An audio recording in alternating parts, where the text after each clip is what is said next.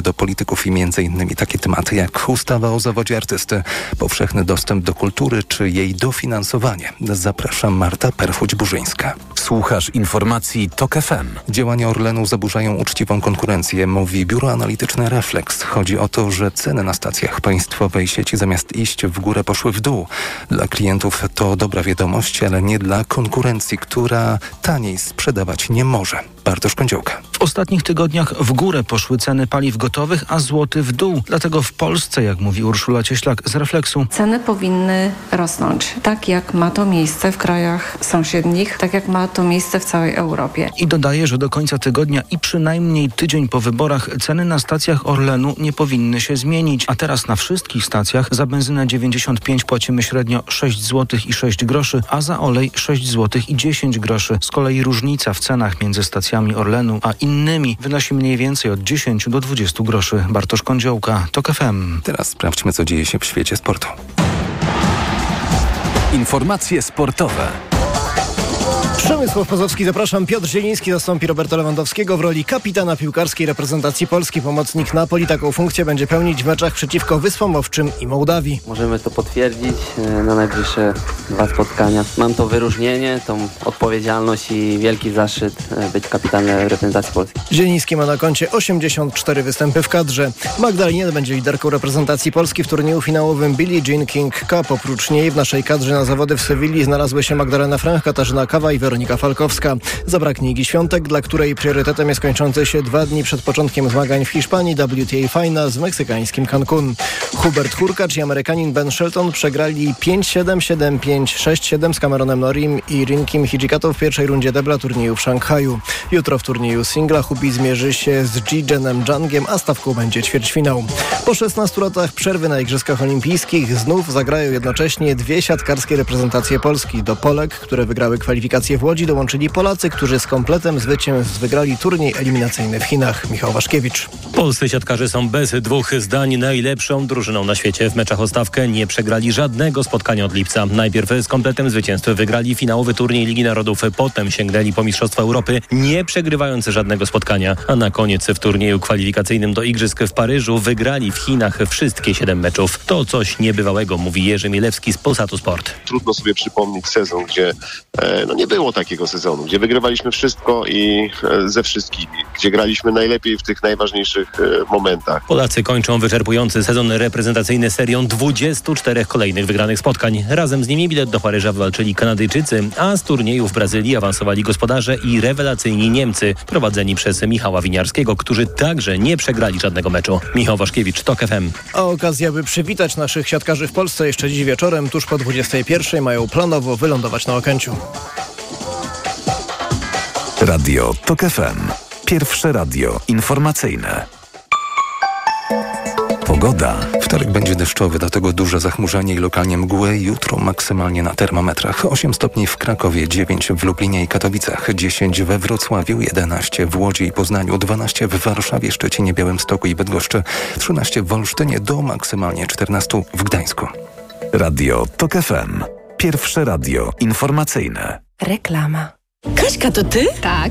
Ale schudłaś. Stosujesz jakąś dietę? Nie, stosuję tabletki na wątrobę Hepa Slimin. Zobacz, wątroba spisuje się wspaniale i jem wszystko, choćby czekoladę. Widzę, że Hepaslimin wspomaga też utrzymanie smukłej sylwetki. To tylko taki słodki dodatek. Przecież ja nie muszę się odchudzać. Pewnie, że nie. To ja też będę brać Hepaslimin. Chcesz mieć słodkie życie bez diety? Chcę mieć zdrową wątrobę. Suplement diety Hepazlimin w trosce o wątrobę i smukłą sylwetkę. Mate pomaga w utrzymaniu prawidłowej masy ciała, a cholina wspiera funkcjonowanie wątroby. Kto wygra wybory? Jak głosowali Polacy? Na te pytania odpowiemy podczas specjalnego wydania Wieczoru Wyborczego w niedzielę 15 października o 21 i poranka wyborczego w poniedziałek o 7 rano na wp.pl. Zapraszam, Paweł Kapusta, redaktor naczelny Wirtualnej Polski. Jak wspomagam odporność? Sięgam po suplement diety Immunobest z ekstraktem Belinal z wysoką dawką polifenoli. Immunobest wzmacnia układ odpornościowy w okresie jesienno-zimowym. Więcej na belinal.pl. Zadbaj o odporność z Immunobest. Osoba starsza, która ma problemy z apetytem i mniej je, potrzebuje substancji odżywczych i minerałów. Suplement diety Appetizer Senior zawiera ekstrakt z owocu kopru, który wzmaga apetyt oraz wspomaga trawienie. Dzięki temu bliska Ci osoba może dobrze się odżywiać. Appetizer Senior. Aflofarm. Wiele lat temu doszło do tragedii. Dwoje nastolatków spłonęło w starym pustostanie. Sprawa odcisnęła się na lokalnej społeczności tak silnym piętnem, że nikt do niej nie wracał. Do czasu, gdy pewnego dnia odnalezione zostaje zwęglone ciało. Światła w popiołach. Nowa powieść Remigiusza Mroza już dostępna w księgarniach. Do lektury zaprasza grupa wydawnicza Filia. Już 15 października odbędą się wybory do Sejmu i Senatu oraz referendum. Wreszcie będę mogła powiedzieć, co myślę o kolejkach do lekarzy I o braku walki z drożyzną. i o fatalnym stanie edukacji. Pytań o najważniejsze problemy w referendum nie znajdziesz. Nie dajmy się wciągnąć w polityczną grę. Oddaj ważny głos w wyborach, a karty do referendum nie odbieraj od komisji. Dowiedz się więcej na oreferendum.pl. Ogłoszenie referendalne zrealizowane i sfinansowane przez Fundację Wolności Gospodarczej. Ła! Nagły ból w jamie ustnej podczas jedzenia? To najczęściej afty lub drobne urazy. Sięgnij po sprawdzone rozwiązanie. Dezaftan. Po pierwsze, Dezaftan wspomaga leczenie dolegliwości, szybko niwelując ból. Po drugie, zabezpiecz aftę przed podrażnieniami. To dzięki podwójnemu działaniu. Dezaftan jest tak skuteczny. Dezaftan. Podwójnie skuteczny na afty. To jest wyrób medyczny. Używaj go zgodnie z instrukcją używania lub etykietą. Afty, aftowe zapalenie jamy ustnej, pleśniawki, urazy spowodowane przez aparaty ortodontyczne i protezy. Aflofarm. Jak lubicie się kochać? Spontanicznie? Intensywnie? Namiętnie i bez presji czasu? Maxigra Max daje Ci swobodę działania już po 12 minutach. Zawsze, kiedy macie ochotę na zbliżenie. Nie czujesz już presji czasu i możesz maksymalnie szybko zacząć działać tak, jak lubicie i cieszyć się seksem. Maxigra Max. W rzeczywistości nic nie działa szybciej. Sprawdź sam. Sildenafil w porównaniu z tadalafilem zawartym w lekach na erekcję dostępnych bez recepty zaczyna działać szybciej. Maxigra Max. Jedna tabletka powlekana zawiera 50 mg sildenafilu do stosowania u dorosłych mężczyzn z zaburzeniami erekcji, czyli niezdolnością uzyskania lub utrzymania erekcji prącia wystarczającej do odbycia stosunku płciowego. Aby sildenafil działał skutecznie, konieczna jest stymulacja seksualna. Podmiot odpowiedzialny Zakłady Farmaceutyczne Polpharma S.A. To jest lek. Dla bezpieczeństwa stosuj go zgodnie z ulotką dołączoną do opakowania. Nie przekraczaj maksymalnej dawki leku. W przypadku wątpliwości skonsultuj się z lekarzem lub farmaceutą. Reklama. Debata TOK FM. Dobry wieczór. Przed mikrofonem Marta Perchuć-Burzyńska. Zaczynamy kolejną z cyklu tematycznych przedwyborczych debat Radia TOK FM. Program wydają Tomasz Kopka i Karolina Kłaczyńska, a realizuje Krzysztof Olesiewicz. Dziś porozmawiamy o kulturze i o propozycjach poszczególnych partii właśnie w tym temacie ważnym, choć jak się okazuje często pomijanym w ogólno-przedwyborczej narracji, szczególnie jeśli chodzi o merytoryczną dyskusję dotyczącą niezwykle ważnej dziedziny naszego życia. Czekamy też na Państwa głosy i pytania do naszych gości gości. Proszę pisać na adres debatamałpatok.fm lub dzwonić pod numer telefonu 22 44 44 044. Witam uczestników dzisiejszej debaty. Agata Diuszko-Zyglewska, Lewica, kandydatka do Sejmu, okręg 19 Warszawa, lista 3, miejsce numer 3. Dobry wieczór, dobry wieczór Państwu. Krzysztof Mieszkowski, Koalicja Obywatelska, kandydat nowoczesnej do Sejmu, okręg 3, Wrocław, miejsce numer 5. Dobry wieczór Państwu. Bożena Żelazowska, Trzecia Droga, kandydatka do Sejmu, okręg numer 20, Obwarzanek Podwarszawski, miejsce numer 2. Dobry wieczór, witam panią redaktor, witam naszych słuchaczy. Jest z nami również na łączach skype'owych Michał Urbaniak, Konfederacja, kandydat do Sejmu, okręg 25 w Gdańsku i Sopocie, miejsce pierwsze. Dzień dobry. Dobry wieczór, kłaniam się. Grzegorz Ćwiertniewicz, bezpartyjni samorządowcy, kandydat do Sejmu, okręg 3, miejsce 26. Dobry wieczór. Dobry wieczór Państwu. Nie ma, jak Państwo zauważyli, w naszym studiu kandydatki lub kandydata Prawa i Sprawiedliwości. Nie jest to rzadkością ostatnio. Zapewniam, że zaproszenie zostało wysłane. Zacznijmy jednak od tego, co przed chwilą działo się na antenie TVP, czyli od debaty przedstawicieli komitetów wyborczych. Padły słowa podczas tej debaty, które mogą zmienić oblicze tych ostatnich dni kampanii wyborczej. Bardzo proszę o krótkie podsumowanie. Na początek Agata Diduszko-Zyglewska-Lewica. Tak, ja muszę powiedzieć, że jestem niesłychanie dumna e, i wzruszona wystąpieniem Joanny Szojring-Wielgus, która nas reprezentowała. Cieszę się, że jako lewica e, zdecydowaliśmy się e, sprawić, żeby w tej debacie na tydzień przed wyborami wzięła udział kobieta, bo jak zwykle się to miało sprowadzić do tego, że kiedy dzieją się kluczowe rzeczy, to nagle kobiety znikają z debaty publicznej, wszyscy inni wystawili mężczyzn. Joanna y, reprezentowała nas wspaniale i jej wypowiedzi były niezwykle merytoryczne. Jako jedyna też y, w jakikolwiek sposób nawiązała do kultury. Mówiliśmy o, mówiła o kulturze w kontekście seniorów, bo wiemy, że w kontekście seniorów samotność, zamknięcie w czterech ścianach, izolacja jest czymś, co bardzo źle wpływa na zdrowie i jest taką chorobą społeczną, więc rzeczywiście dla nas jako lewicy to jest bardzo ważne. Muszę powiedzieć, że jeśli chodzi w ogóle o kształt tej debaty, to dla mnie uderzające było to, że mm, dwaj panowie premier i były premier rzeczywiście próbowali ją sprowadzić do takiego pojedynku i jako jedyni zamiast mówić o programach, to nawzajem sobie wbijali e, szpile i tutaj oczywiście pan Morawiecki, który y, jako premier kraju na tydzień przed wyborami wypowiada zdanie w rodzaju powiedz kto dał ci wazon 12 lat temu do jakiegoś to innego polityka. kulturalny tutaj był. No to jest, to, jest, to jest pokazanie dokładnie jak ponurym żartem y, z odpowiedzialności za Polskę są rządy Zjednoczonej Prawicy, więc mam nadzieję, że, y, że to już tylko kilka dni tych rządów przed nami. Krzysztof Mieszkowski, Koalicja Obywatelska, bardzo proszę. No tak, ta debata, y, jak y, wszyscy widzieliśmy, y, ona została bardzo precyzyjnie wyreżyserowana przez TVP Info.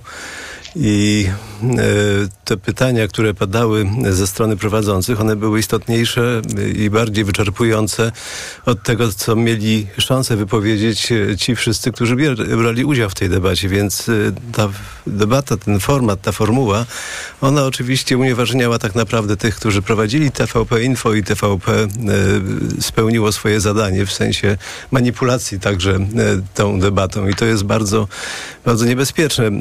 Powiedziała Pani o tym, że nie ma tutaj obok nas, czy gdzieś w innym miejscu kogoś, kto z PiSu, kto by rozmawiał z nami o kulturze. Otóż nieobecność PiSu w tych debatach jest normą. Mnie się podobało to, co e, mówił Tusk, podobało mi się to, co mówiła e, Szojring-Wielgus, podobał mi się Hołownia, e, podobał mi się, mówiąc krótko, głos e, opozycji. I ten głos opozycji był silny, był uzupełniający się, był też e, e, bardzo przekonywujący i myślę, że to jest najistotniejsze dzisiaj, żebyśmy mieli świadomość tego, że 15 października wygramy wszyscy po kolei i wszyscy razem. Wszyscy na opozycji, więc to jest chyba najistotniejsze, żebyśmy mieli świadomość tego, że TVP Info będzie w dalszym ciągu wyjawiało polskie społeczeństwo, będzie w sposób brutalny, agresywny siało nienawiść. Zresztą y, Mateusz Morawiecki jest takim produktem TVP Info w pewnym sensie i to jest y, absolutnie niedopuszczalne.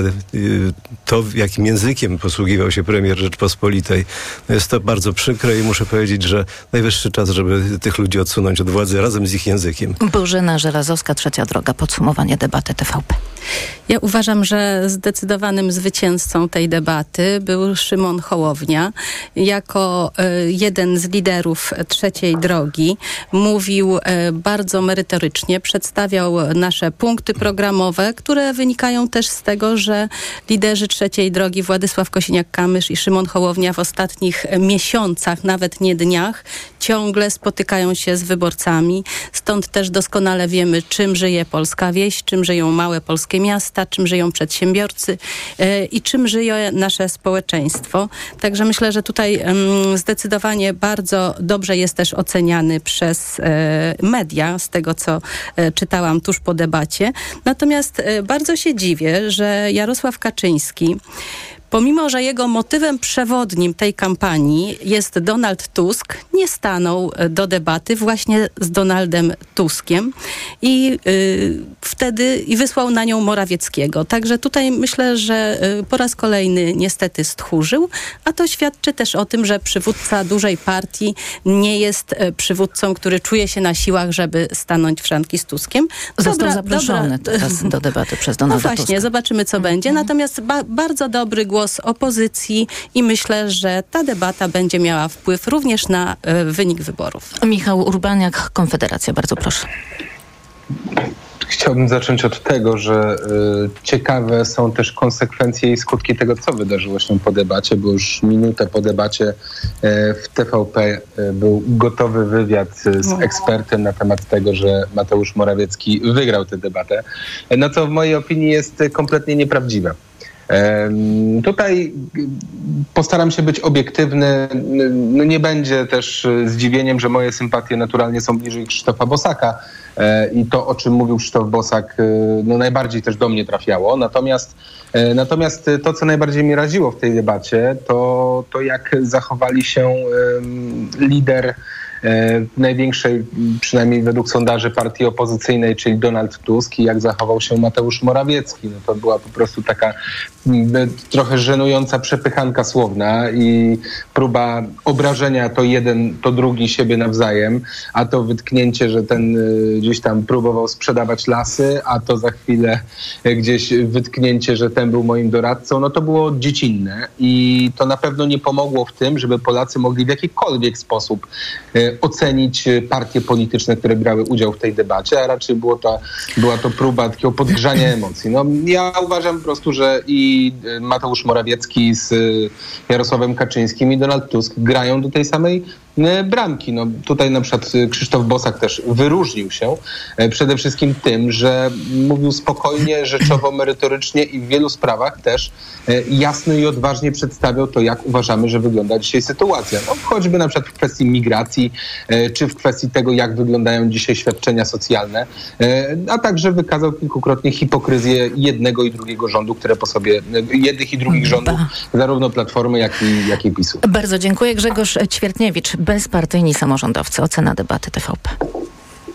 No cóż, szanowni państwo, spodziewaliśmy się mniej więcej, jaką formułę przyjmie ta debata i potwierdziło się niestety, że był to w pewnym sensie y, pisowski wiec, niestety, ale też potwierdziła się niestety prognoza, że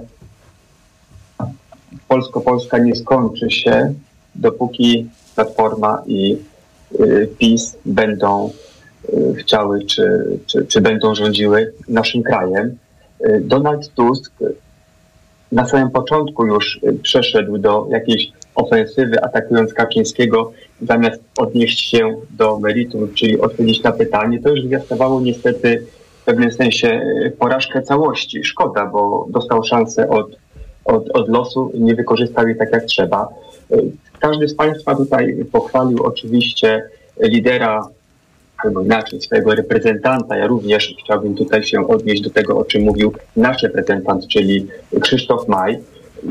Nie dlatego, że, że doceniam to, co powiedział, choć również, ale przede wszystkim pokazał, że bezpartyjni samorządowcy stawiają na spokój, na opanowanie, na dialog i bardzo merytorycznie odnosił się do poszczególnych pytań, zresztą pytań, pytań, pytań z tezą, co też tutaj Państwo zauważyliście, ja też chciałbym to potwierdzić.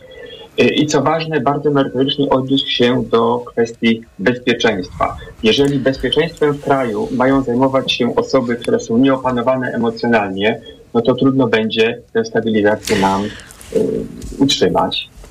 Bardzo. Dla mnie, mhm. dla mnie, Musimy kończyć tę część. Dla mnie ta debata nie przyniosła niczego, czego bym się nie spodziewał. Grzegorz Ćwiertniewicz, bardzo dziękuję. Dziękuję Państwu za to podsumowanie debaty w TVP. Przechodzimy do przedwyborczej debaty o kulturze w TOK FM. Debata TOK FM. Nasza debata o kulturze będzie dotyczyła konkretnych propozycji i konkretnych postulatów dotyczących najważniejszych kwestii z kulturą związanych. Zasady debaty są takie, że każdy z Państwa ma około dwóch minut na odpowiedź. Zacznijmy od ustawy o zawodzie artysty. Mimo kolejnych zapowiedzi rząd PiSu nie skierował do Sejmu ustawy, która miała wspomóc najmniej zarabiających przedstawicieli tego zawodu w opłacaniu składek na ZUS. Proszę o Państwa propozycje w takim razie w sprawie poprawy bytu artystów. Zaczynamy od Michała Urbaniaka, Konfederacja.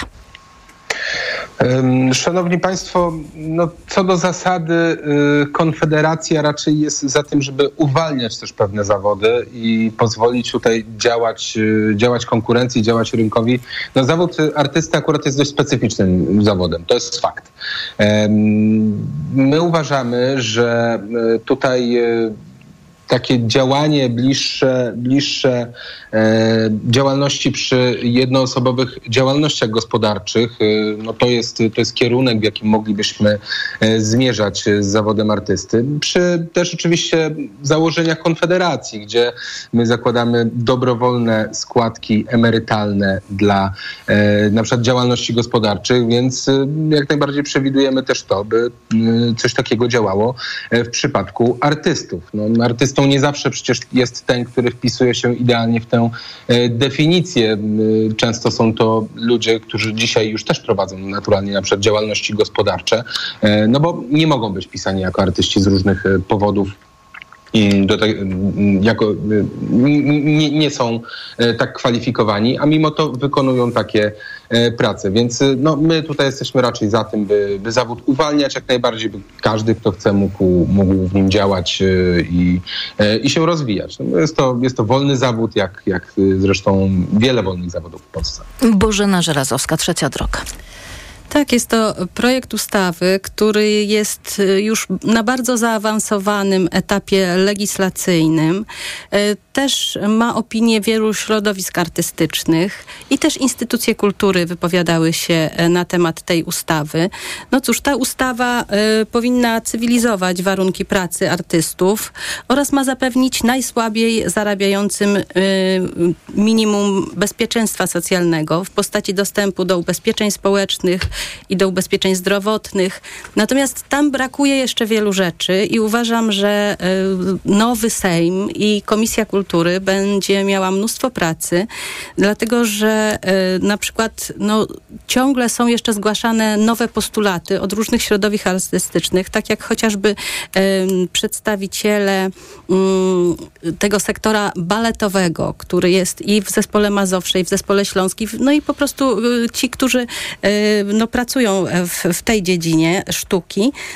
Yy, powinni też móc wcześniej przechodzić na emeryturę, bo wiadomo, że do 40 roku życia najdalej e, może taki artysta być czynny na scenie zawodowej. I tutaj te środowiska bardzo mocno domagały się nawet e, podczas ostatniego naszego posiedzenia Komisji Kultury, aby rozwiązać ten problem. No niestety nie zdążyliśmy, chociaż były takie różne propozycje, że może zapiszemy to w tej czy innej ustawie. Uważam, że powinny się te rozwiązania znaleźć właśnie w tej ustawie. I myślę, że tutaj jeszcze wymaga ona wielu, e, wielu zmian i poprawek, zanim rzeczywiście i świat artystyczny, i my będziemy spokojni, że tam są te rozwiązania, które proponujemy. Mm, Krzysztof Mieszkowski, Koalicja Obywatelska. Bardzo proszę. Ja już w różnych miejscach zresztą mieliśmy okazję rozmawiać o tej ustawie wtedy, kiedy tę ustawę zaproponowałem podczas naszej pracy w Sejmie i y, dla mnie zaskoczeniem było to, że e, ta ustawa została słabo, przez, słabo poparta przez środowisko artystyczne. Ludzie byli skupieni wokół ministra Glińskiego, który y, mając ten wielki swój status y, ministra e, w jakiś sposób ubezwłasnowolnił ludzi od siebie, współpracując z nimi. Na koniec ich oszukał oczywiście. Na koniec ich oszukał. Nasza ustawa e, w jakimś sensie odwoływała się do tego, co proponował minister Gliński i pomysł jej powołania był niezwykle istotny i ważny po to, żeby zmusić ministerstwo do tego, żeby tę ustawę jak najszybciej uchwaliła. Nie zrobili tego.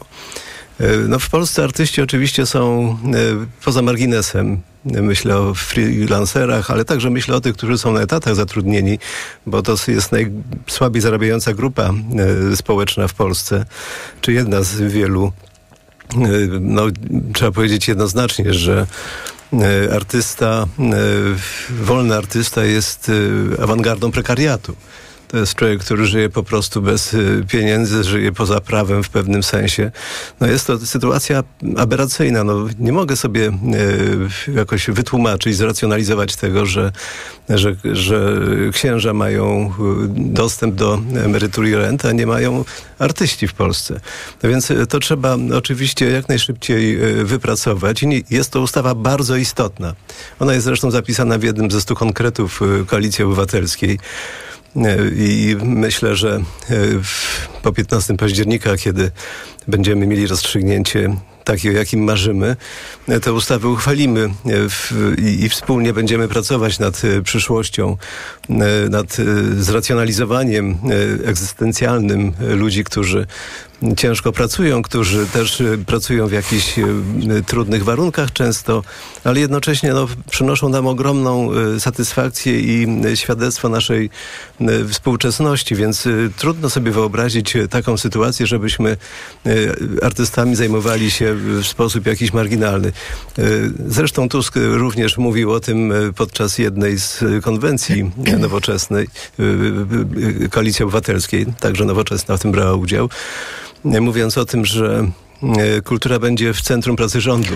I to jest niezwykle ważne. Żaden e, człowiek będący kandydatem na, e, na premiera w sposób tak jednoznaczny nie podkreślił wagi kultury. Mm, Grzegorz Ćwiertniewicz, bezpartyjni samorządowcy, ustawa o zawodzie artysty, tak czy nie?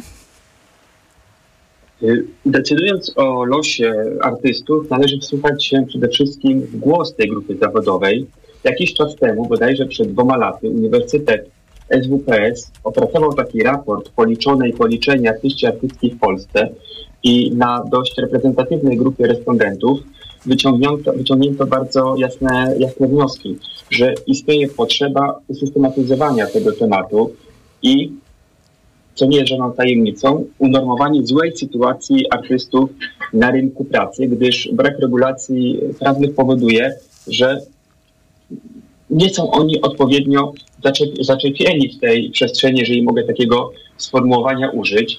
I niezbędne jest wprowadzenie statusu artysty, na podstawie którego można byłoby uzyskać, czym zresztą była mowa przed chwilą, podstawowe świadczenia społeczne, a także e, prawo do renty czy do emerytury, ale też należy pamiętać o tym, że zbytne, że zbytnie uregulowania prawne w tej branży y, mogą pogorszyć sytuację, albo może nawet jeżeli niezbytnie, to nie do końca przemyślane. A zatem jest to na pewno temat, któremu trzeba poświęcić dużo uwagi i nie może to wynikać z chęci y, przypodobania się tejże grupie, ale z konieczności i potrzeby stworzenia im warunków do funkcjonowania godnego życia.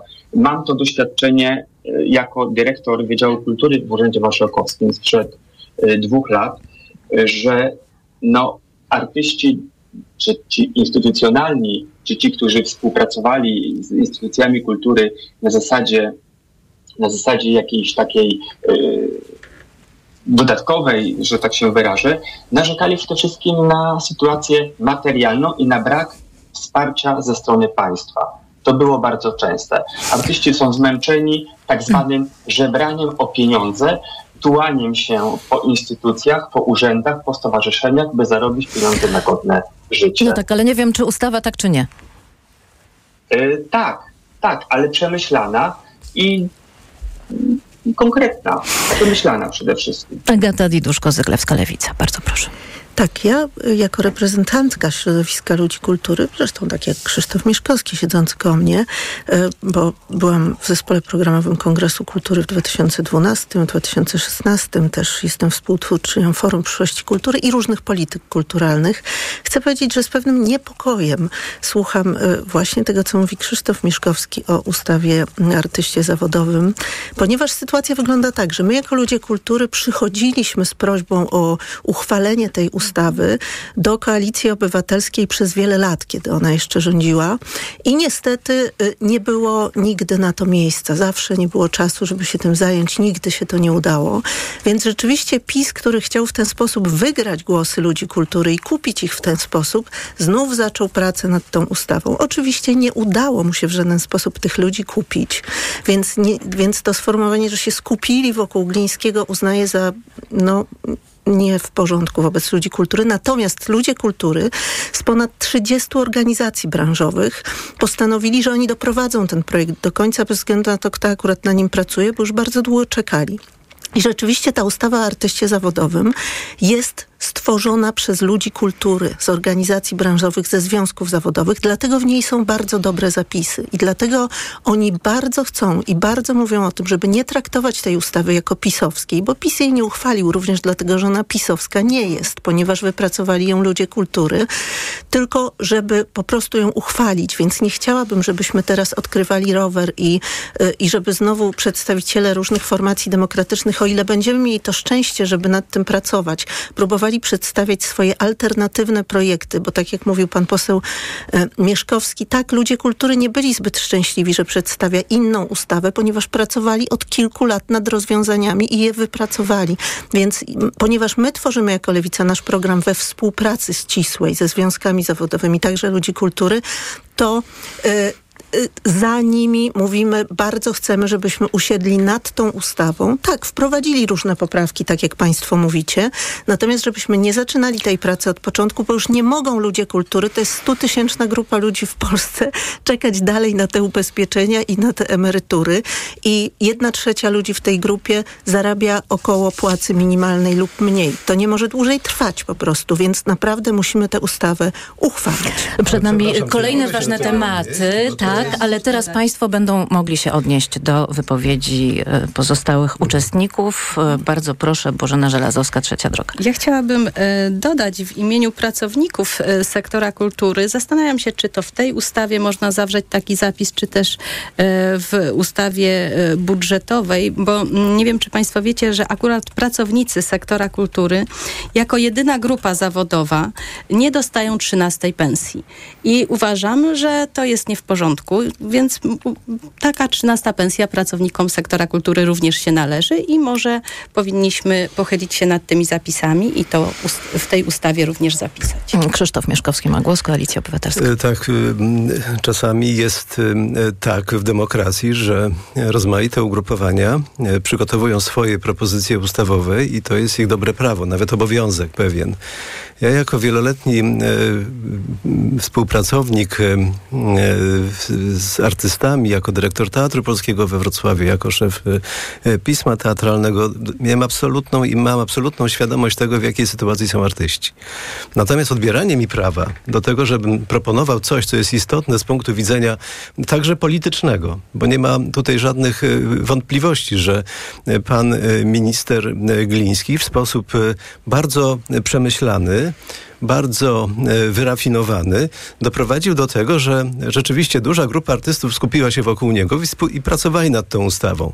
Ale rezultat mamy taki, że dzisiaj lewica mówi, że e, to niedobrze, że ja taką ustawę przygotowałem i to jest niedobre, że my mamy taką e, sytuację. No musimy po prostu mieć świadomość tego, że ten, ten, ten rząd, ten minister jest deprawatorem, jest szkodnikiem, który doprowadził do tego, że polska kultura jest w sytuacji bardzo trudnej, jest okupowana można powiedzieć. Ale to nie on napisał tę ustawę. I w, I w, związku z tym Ministerstwo Wanda Zwinogrodzka współpracowała e, z artystami i e, trzeba absolutnie bronić pewnej podmiotowości, również opozycyjnej, żeby móc e, przygotowywać takie ustawy, takie rozstrzygnięcia legislacyjne, które będą służyły całemu środowisku. I proszę mi nie odmawiać takiego prawa, które jest prawem absolutnie demokratycznym, otwartym i to prawo sobie uzurpuje oczywiście. Nie odmawiam, Ten wątek nie zamyka Agata Diduszko-Zyglewska. Chcę powiedzieć, że oczywiście nie odmawiam, tylko y, y, Krzysztofie, bo znamy się. Chodzi mi tylko o to, żebyśmy, bo to, o to proszą ludzie kultury, żebyśmy nie zaczynali znowu od początku, nie tylko żebyśmy nad tymi rozwiązaniami usiedli, również dlatego, że oni włożyli bardzo Czyli dużo pracy w tę ustawę. Czeka nas wiele pracy. Tak, tak jest sporo dyskusji jeszcze. Nie, nie wiem, czy czeka nas wiele pracy. pracy. Czeka nas po prostu jakiś rodzaj porozumienia w, y, i pochylenia się nad tymi dokumentami, które są wypracowane. To nie jest jakiś, jakiś, jakiś problem przecież. Warto współpracować po prostu. Ten wątek musimy kończyć. Zostańmy jednak przy kwestiach finansowych. Dofinansowanie kultury, jak je zwiększyć i jak zrobić, żeby rozdział środków na kulturę nie podlegał politycznym kryterium. Zaczyna Bożena Żelazowska, Trzecia Droga. Tak, to jest bardzo ważne, aby podział środków nie podlegał politycznemu kryterium, bo chcę Państwa poinformować, bo pewnie nasi słuchacze tego nie wiedzą, że e, w ramach Polskiego Ładu każde z województw dostawało od rządu środki na e, zabytki. Otóż e, z ubolewaniem muszę tutaj stwierdzić, że samorząd województwa mazowieckiego w tym roku nie dostał ani złotówki. Czyli tak bardzo mocno politycznie traktowana jest kultura przez obecną partię rządzącą. I to, to jest jeden z przykładów. A kultura, aby móc się rozwijać, potrzebuje wolności, potrzebuje stabilizacji, potrzebuje poczucia, że e, te zadania, które powinny być finansowane, będą finansowane. Y, I uważam, że jeżeli polityka zbyt mocno wkracza właśnie w dziedzinę kultury, to, to jest bardzo niebezpieczne. Mam nadzieję, że po tych wyborach, które nastąpią, będziemy mogli zabezpieczyć odpowiednio e, pewnie procentowy udział, e, jeżeli chodzi o środki w dziedzinie kultury, bo dzisiaj mamy taką sytuację, że e, jest finansowana i ze środków ministerialnych, ze środków w dużej bardzo mierze samorządów poszczególnych, czy to jest samorząd województwa, czy to jest samorząd powiatu, czy też instytucje, które są utrzymywane przez samorządy gminne.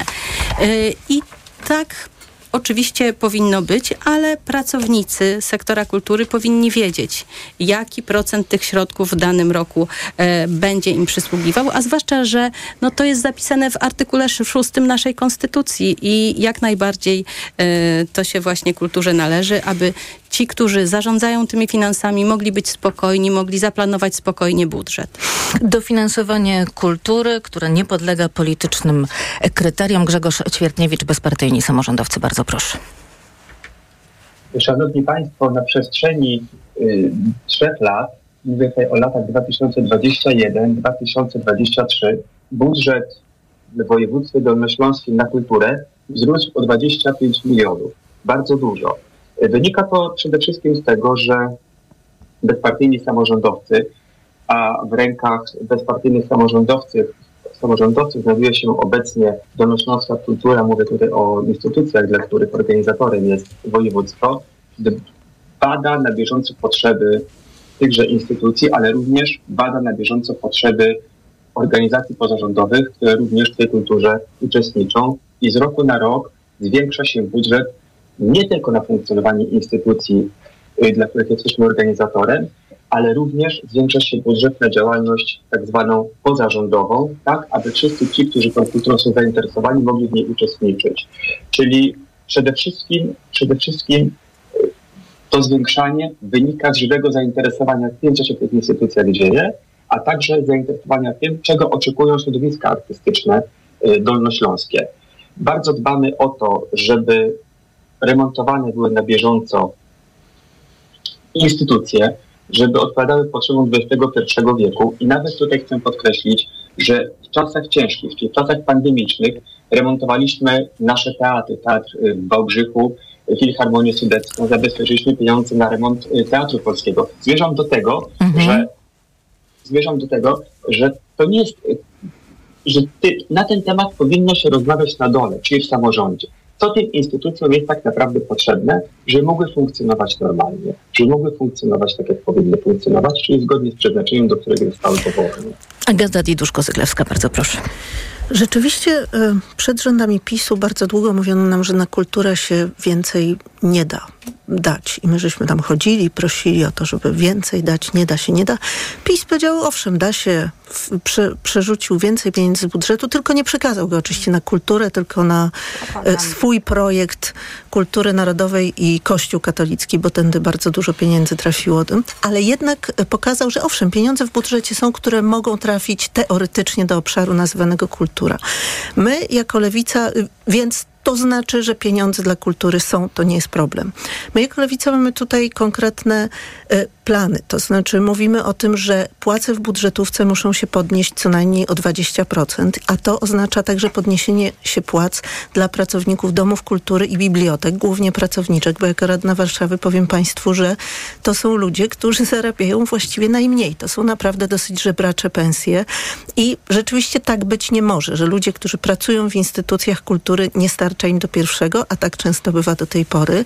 Poza tym oczywiście jeśli chodzi o finansowanie właśnie ale niezależnej, wolnej kultury, to musimy powrócić od ręcznego sterowania, które uprawiał pan Gliński e, na całego, demolując, trzeba to sobie powiedzieć, różnego rodzaju festiwale, przy okazji instytucje i tak dalej, do oddania kulturze wolności. To znaczy, my proponujemy zmiany w ustawie o prowadzeniu działalności kulturalnej, ponieważ jednak okazało się, że obecne przepisy nie zapewniają odpowiedniej autonomii szefów instytucji kultury, bo łatwo było ją złamać. To znaczy, że tutaj potrzebne są poprawki. No i oczywiście do Ministerstwa Kultury i do wszystkich komisji, które dają różnego rodzaju dotacje, muszą powrócić eksperci, bo to jest też to porwanie państwa przez y, y, populistyczną prawicę, która uznała, na kulturze każdy się zna, najbardziej nasi krewni i znajomi z naszej partii i ekspertów i ekspertki w komisjach pozastępowali ludzie bez żadnych kompetencji, natomiast wiedzący, że warto przyznawać pieniądze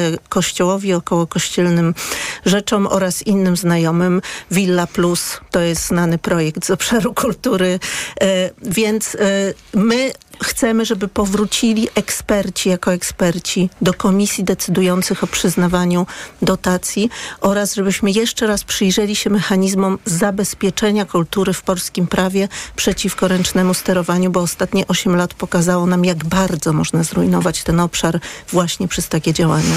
Michał Urbaniak, czy Konfederacja ma jakiś pomysł na rozdział środków na kulturę? Znaczy, sytuacja jest y, bardzo skomplikowana. Od tego chyba trzeba zacząć całą dyskusję, e, ponieważ instytucji, które rozdzielają jakiekolwiek pieniądze na kulturę, no są w Polsce setki, jak nie tysiące. Mhm. Mniejszych, większych, a tych, które pobierają jeszcze więcej, e, czy też y, niezależnych nawet artystów. Mm, no, na pewno problemem jest dzisiaj to, jak wygląda transparentność grantów, które są, e, które są przyznawane i kryteria, które, e, które przy tych grantach są. Więc to jest rzecz, nad którą na pewno trzeba będzie pracować w przyszłości. Ja się do końca też nie zgodzę i albo bardziej zastanawiam się tutaj, odwołując się do pani Liduszko, E, no kto miałby w takim razie też tych wszystkich ekspertów e, wybierać, bo tak stwierdziła pani, że e, na przykład jakieś, nie wiem, instytucje, rozumiem, czy, czy, mm, czy też organizacje, które są na przykład powiązane gdzieś tam mniej lub bardziej z kościołem, no to już akurat mam wrażenie, jakby nie mogły korzystać z takich grantów, czy nie mogłyby też brać udziału w rozwoju kultury polskiej. A pamiętajmy o tym, że no, mimo wszystko e, to też jest jeden z elementów naszej kultury. Jest on dla wielu ludzi bardzo ważny. E, no i nie uważam, że należy go dyskryminować. Uważam, że powinno to być traktowane w tym wypadku co najmniej na równi. E, a mam wrażenie, że tutaj padło coś zupełnie odwrotnego, jakby jakaś niezależna grupa ekspertów, nie wiadomo przez kogo wyłoniona, mogła decydować o wszystkim, e, a już, e, a, a w domyśle no, pewni, e, pewne organizacje nie mogłyby nie mogłyby partycypować w tych pieniądzach, pieniądzach z kultury. No, ja się z tym nie zgadzam. Uważam też, że mhm. kultura no, jest na tyle specyficzna jako cały obszar, że jeśli ktoś naprawdę chce być niezależny, no to no niestety, ale nie powinien w takim razie korzystać z żadnych państwowych czy samorządowych e, dotacji, no bo one zawsze się wiążą z jakąś, jakimś uzależnieniem. Teraz Krzysztof Mieszkowski, Koalicja Obywatelska, potem będzie chwila na to, żeby zabrać głos jeszcze. E, najważniejsze jest to, żeby stworzyć spójny system finansowania kultury w Polsce, którego nie ma po prostu i ustawa o prowadzeniu i organizowaniu działalności kulturalnej tego nie rozstrzyga i tego nie zapewnia. No więc Nasza propozycja, i myślę, że to jest też propozycja wielu e, instytucji kultury, bo przede wszystkim o nich w tej chwili mówię, jest zdecydowana na ten e, wariant, o którym za chwilę powiem. I chodzi mianowicie o to, żeby instytucje kultury, takie jak opery, teatry, e, galerie sztuki, finansować z trzech źródeł. E, państwa, regionu i miasta, tak żeby się podzielić tymi wydatkami. W wielu przypadkach może być to bardzo istotne dla funkcjonowania po prostu tych instytucji, na które na przykład samorządu nie stać. Wielokrotnie tak, e, tak się dzieje, że e, duże teatry, czy nawet mniejsze teatry, jak w Legnicy, są niedofinansowane, że jest to jak, jakiś rodzaj wolontaryzmu. To, co się wydarzyło w Legnicy e, kilka miesięcy temu, kiedy prezydent miasta zdecydował o tym, że cofnie dotacje na poziomie mhm. miliona trzystu tysięcy, no jest czymś aberracyjnym. To jest sytuacja nie do zaakceptowania. W związku z tym takiego właśnie prezydenta i, takim, i takich mu podobnych trzeba w jakiś sposób związać właśnie tym systemem finansowania, który trzeba zapisać w ustawie oczywiście oczywiście. Istotny jest niezwykle e, i ważny element e, wpisania kultury jako wydatku obligatoryjnego, a nie e, takiego, który może się zmieniać, podobnie jak edukacja.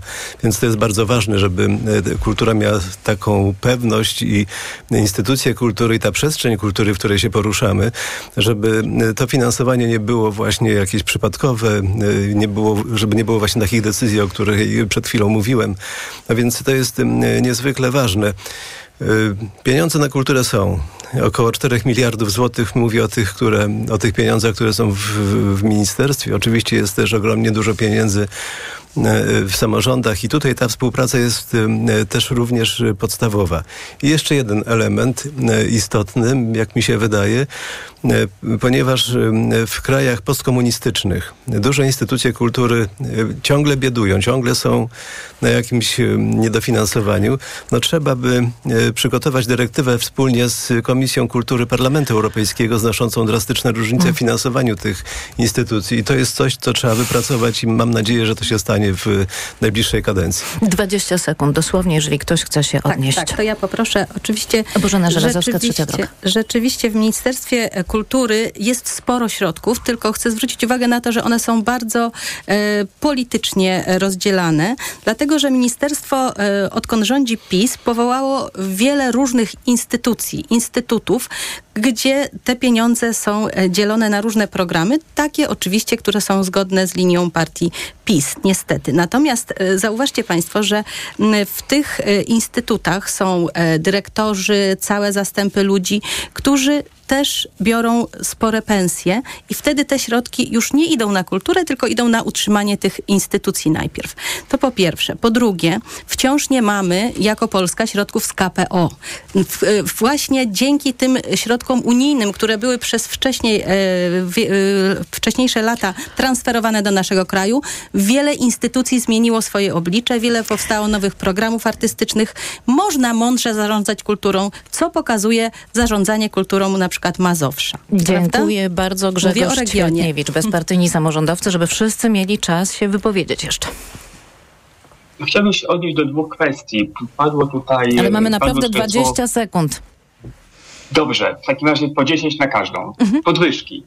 W dobie pandemii tak się szczęśliwie złożyło, że samorząd województwa znalazł pieniądze na podwyżki dla pracowników instytucji kultury. Wszyscy pracownicy naszych instytucji otrzymali podwyżki. Tak, w innych województwach były cięcia, u nas wręcz przeciwnie, zabezpieczyliśmy środki na to, by pracownicy przynajmniej odrobinę, na ale Mazowszu mogli otrzymać. były podwyżki.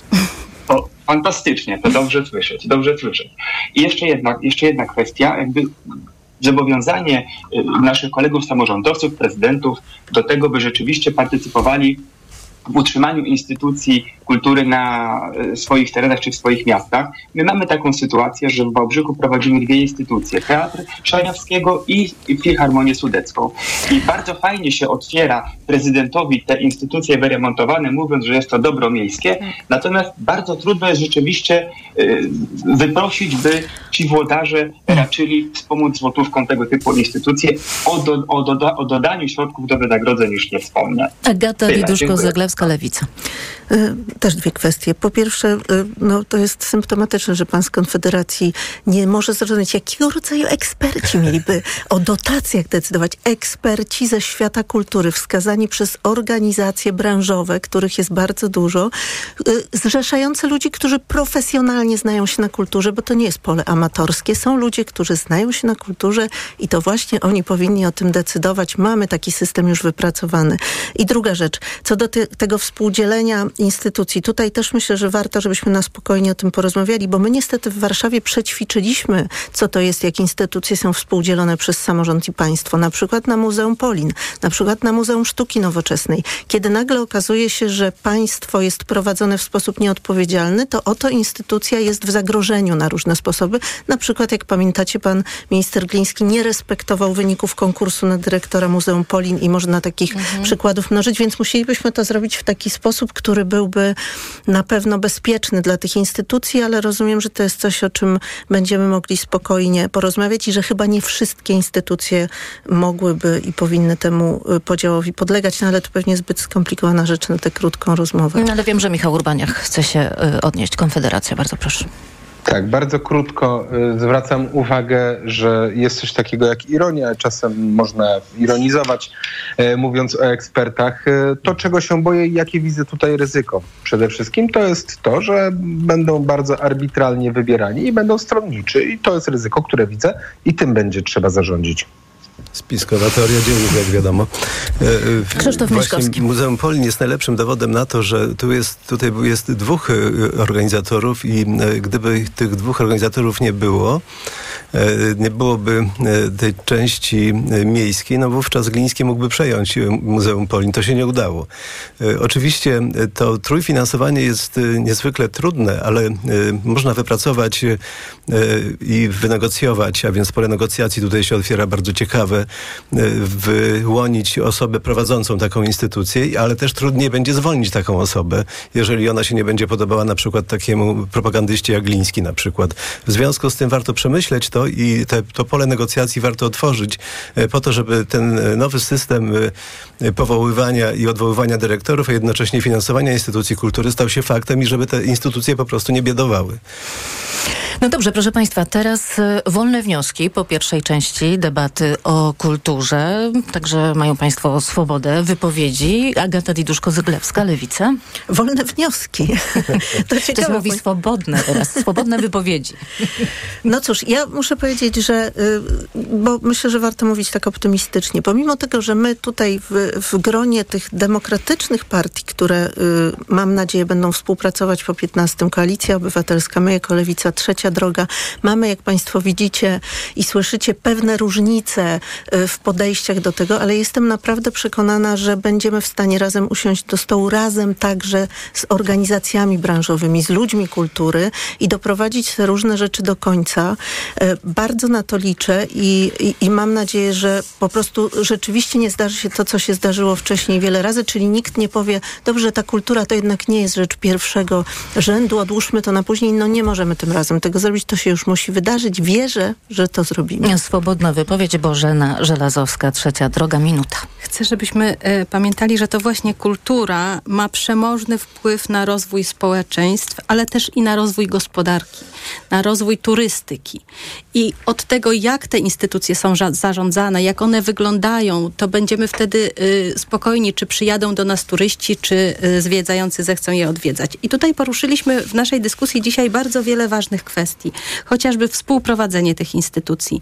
E, to nie wystarczy tylko zapisać e, w umowie. To musi być rozwiązane też e, systemowo, bo dzisiaj zespół pieśni i tańca jest współprowadzony też przez ministra kultury dopiero od kilku lat, od dwóch czy trzech. Natomiast nikt nie wie o tym, że tak naprawdę ministerstwo daje 6% budżetu, a 94 płaci nadal samorząd województwa mazowieckiego, który wybudował nową siedzibę dla zespołu, który wciąż utrzymuje ten zespół, ale szumnie to się nazywa, że ma dwóch e, organizatorów, gdzie tych dwóch organizatorów ma wpływ właśnie na powoływanie dyrektora. Nie wszyscy muszą mieć czas na wypowiedź. Swobodną Michał Urbaniak, Konfederacja, ale trzymamy się tematu kultury oczywiście.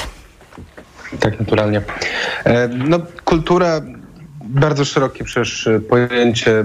Zasadniczo każda, e, każda rzecz, e, którą robimy w kulturze powinna czemuś służyć.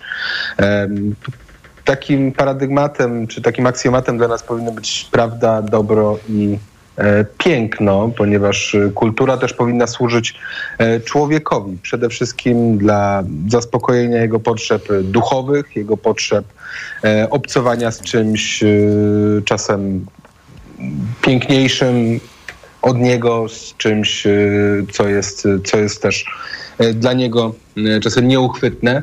E, więc jeśli rozmawiamy w ogóle o kulturze, jeśli rozmawiamy o mhm. finansowaniu tej kultury, musimy też pamiętać o finansowaniu tej kultury tradycyjnej, kultury ludowej. O niej zapominać nie wolno. Mam nadzieję, że zaraz o niej porozmawiamy. Też na to czekam. Świetnie, świetnie. Więc Dobrze, na, tym to... bym się, na tym bym się skupił. To teraz minuta... Pamiętać i pielęgnować mm. też tę kulturę ludową, e, która, która, która często bywa zapomniana. Ważne. Minuta swobodnej wypowiedzi. Krzysztof Mieszkowski, bardzo proszę. E, niski kapitał społeczny jest e, podstawową przyczyną rozwarstwienia i nierówności społecznych, postępującej fali populizmu, ksenofobii, rasizmu, e, a więc rozpadania się demokracji, z czym mamy do czynienia w Polsce i dzisiaj musimy zebrać wszystkie siły, żeby 15 października zebrać to w, jeszcze raz i przeformułować tą naszą polską rzeczywistość. I temu ma służyć kultura.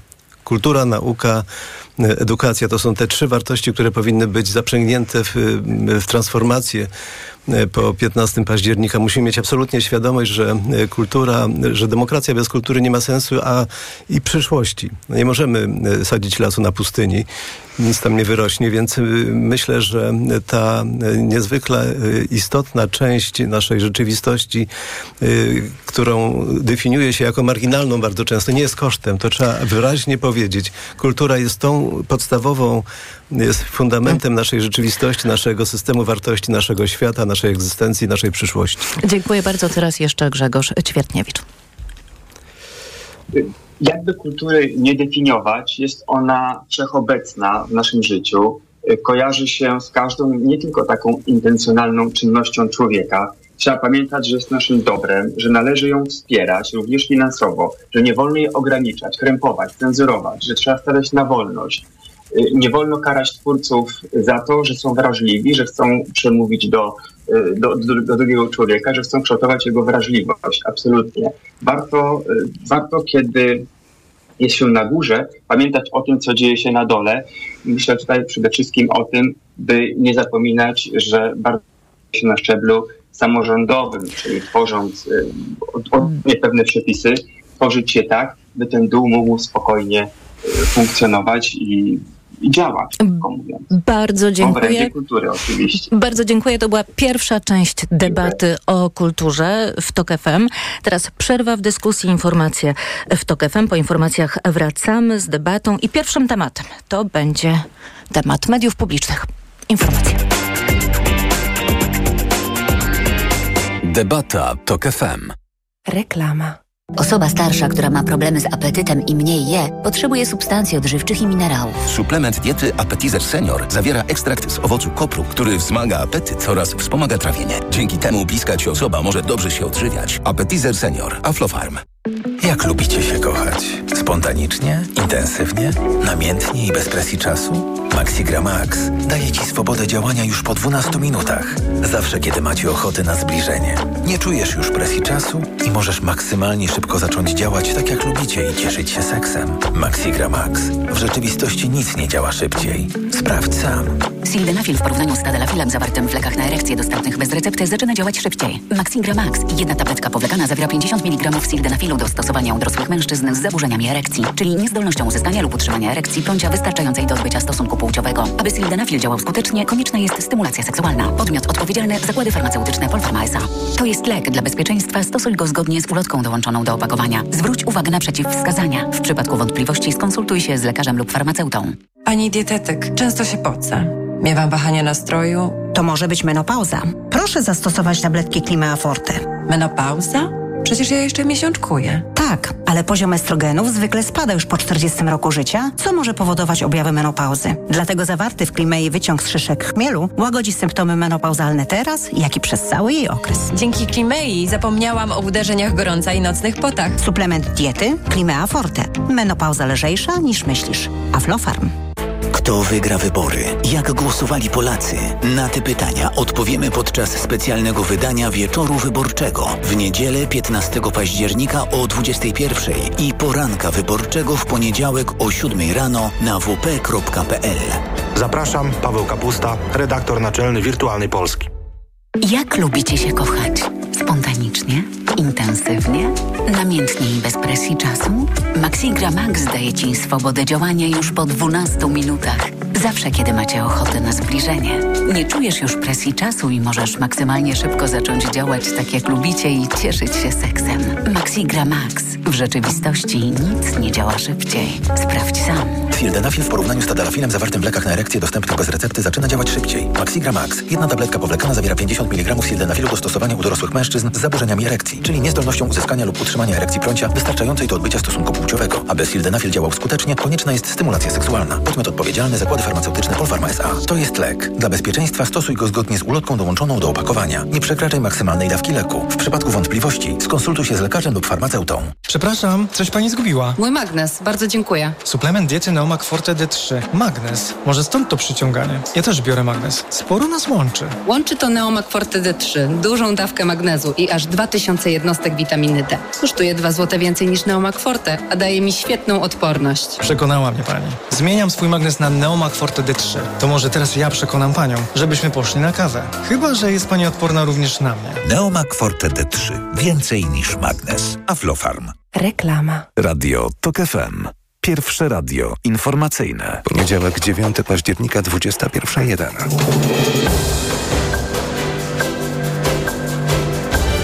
Informacje TOK FM. Marcin Grzebielucha. Zwycięstwo jest na wyciągnięcie ręki, przekonuje Donald Tusk. Debata wyborcza w telewizji rządowej za nami. Izrael potwierdza, jedna z największych w historii operacji lotniczych wymierzona w Hamas trwa. Sobot chce uchwalić budżet jeszcze przed wyborami, a w tle polityczny zatarg.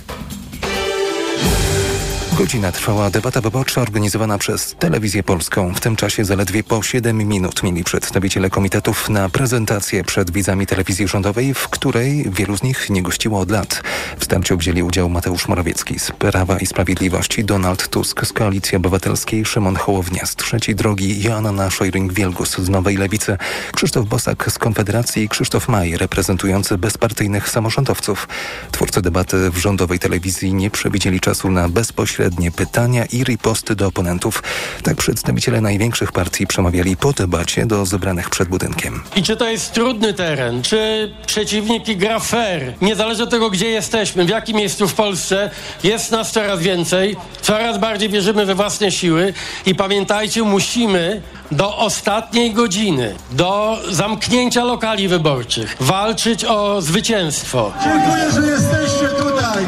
To naprawdę jest ostatnia prosta w drodze do zwycięstwa. Już niewiele, kilka dni, ale dajmy z siebie wszystko. Widzicie, co oni opowiadają, co oni próbują robić. To są najwięksi obłudnicy polskiej polityki. Tylko Prawo i Sprawiedliwość. Drodzy rodacy, Mówili Mateusz Morawiecki i Donald Tusk. Debatę przesunięto na 18.30 z planowanej godziny 21, czyli poza czas największej oglądalności. Odbyła się bez widzów. Do przeprowadzenia debaty Telewizja Polska jest jako nadawca publiczny zobowiązana ustawowo. Słuchasz informacji TOK FM. Mamy do czynienia z jedną z największych w historii operacji lotniczych wymierzoną w Hamas, poinformowały siły zbrojne Izraela. Jak podano w komunikacie, w ramach akcji odwetowych Izrael od soboty przeprowadził ponad 1200 nalotów na cele Hamasu w strefie gazy. Ten temat śledzi Cezary Jaszczyk. Hamas rozpoczął wojnę. Przywrócimy bezpieczeństwo w naszym kraju, deklaruje izraelska armia. Z kolei premier Benjamin Netanyahu zapowiada, że izraelska odpowiedź na atak ze strefy gazy zmieni Bliski Wschód. W amerykańskich mediach pojawiają się informacje na temat rozmowy, do której miało dojść między Netanyahu a prezydentem Stanów Zjednoczonych Joe Bidenem. Prezydent Izraela zapowiedział w niej rozkaz rozpoczęcia operacji lądowej w strefie. Ostatni raz do takiej sytuacji doszło w 2014 roku. W tym momencie obowiązuje blokada gazy. Do strefy nie docierają dostawy żywności, wody i prądu. Cezary Jaszczyk, TOK FM.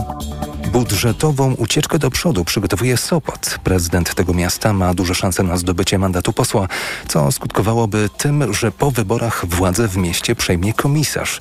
Uchwalenie budżetu na przyszły rok 2,5 miesiąca przed terminem ma zminimalizować ryzyko zachwiania strategią funkcjonowania i rozwoju kurortu. O czym Paweł Radzewicz. Kontynuacja miejskiej polityki nie byłaby zagrożona, gdyby po ustąpieniu prezydenta komisarza wskazywała na przykład Rada Miasta, rozkłada ręce prezydent Jacek Karnowski. Polskie prawo niestety tu jest ułomne, bo wskazuje premier i nie z tej opcji, na którą głosują Sopocianie. Komisarz z innej opcji mógłby mieć inne spojrzenie na miejską politykę i choćby zwlekając z dopełnieniem formalności mógłby niektóre działania torpedować. Lepiej jednak, że ten budżet jest i będzie uchwalony, dlatego bardziej się spodziewamy zaniechania niż zepsucie czegoś, bo to jest bezpiecznik w postaci Rady Miasta Sopot. Która zajmie się uchwałą budżetową tak, by zdążyć przed wyborami, czyli jeszcze w tym tygodniu. Z Sopotu Paweł Radzewicz. TOK FM. Na ulicę Bydgoszczy wyjeżdża tramwaj zdrowia psychicznego. Bezpłatna linia Hayek Help, czyli pomoc, promuje profilaktykę zdrowia psychicznego, mówi Gabriela Gładyszewska z Fundacji Grow Space. Po prostu postanowiliśmy, że musimy wyjść do społeczeństwa na ulicę, opowiedzieć o tym, dostarczyć materiałów, bo nie każdy jest w stanie znaleźć je na własną rękę. My po prostu współpracujemy z zaufanymi fundacjami, które przygotowują bardzo merytoryczne materiały i chcieliśmy i chciałyśmy, żeby jak najbardziej poszerzyć ten temat zdrowia psychicznego, żeby nie robić z niego tematu tabu. A tramwaj z informatorami, jak i gdzie szukać pomocy w kryzysie psychicznym będzie kursować także we wtorek w Światowy Dzień Zdrowia Psychicznego. Teraz prognoza pogody. Pogoda. Przed nami deszczowy dzień, do tego duże zachmurzenie i lokalne mgły. Maksymalnie na termometrach we wtorek 8 stopni w Krakowie, 9 w Lublinie i Katowicach, 10 we Wrocławiu, 11 w Łodzi i Poznaniu, 12 w Warszawie, Szczecinie, Białymstoku i Bydgoszczy, 13 w Olsztynie do 14 w Trójmieście. Radio TOK FM. Pierwsze radio informacyjne. Debata TOK FM. Dobry wieczór. Przed mikrofonem Marta Perchuć-Burzyńska. Zaczynamy drugą część przedwyborczej debaty Radia TOK FM dotyczącej kultury. Program wydają Tomasz Kopka i Karolina Kłaczyńska, a realizuje Krzysztof Olesiewicz.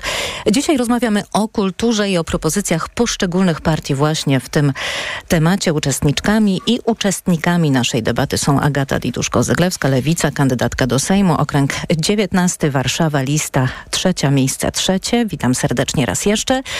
Krzysztof Mieszkowski jest z nami, Koalicja Obywatelska, kandydat nowoczesnej do Sejmu Okręg 3 Wrocław, miejsce numer 5.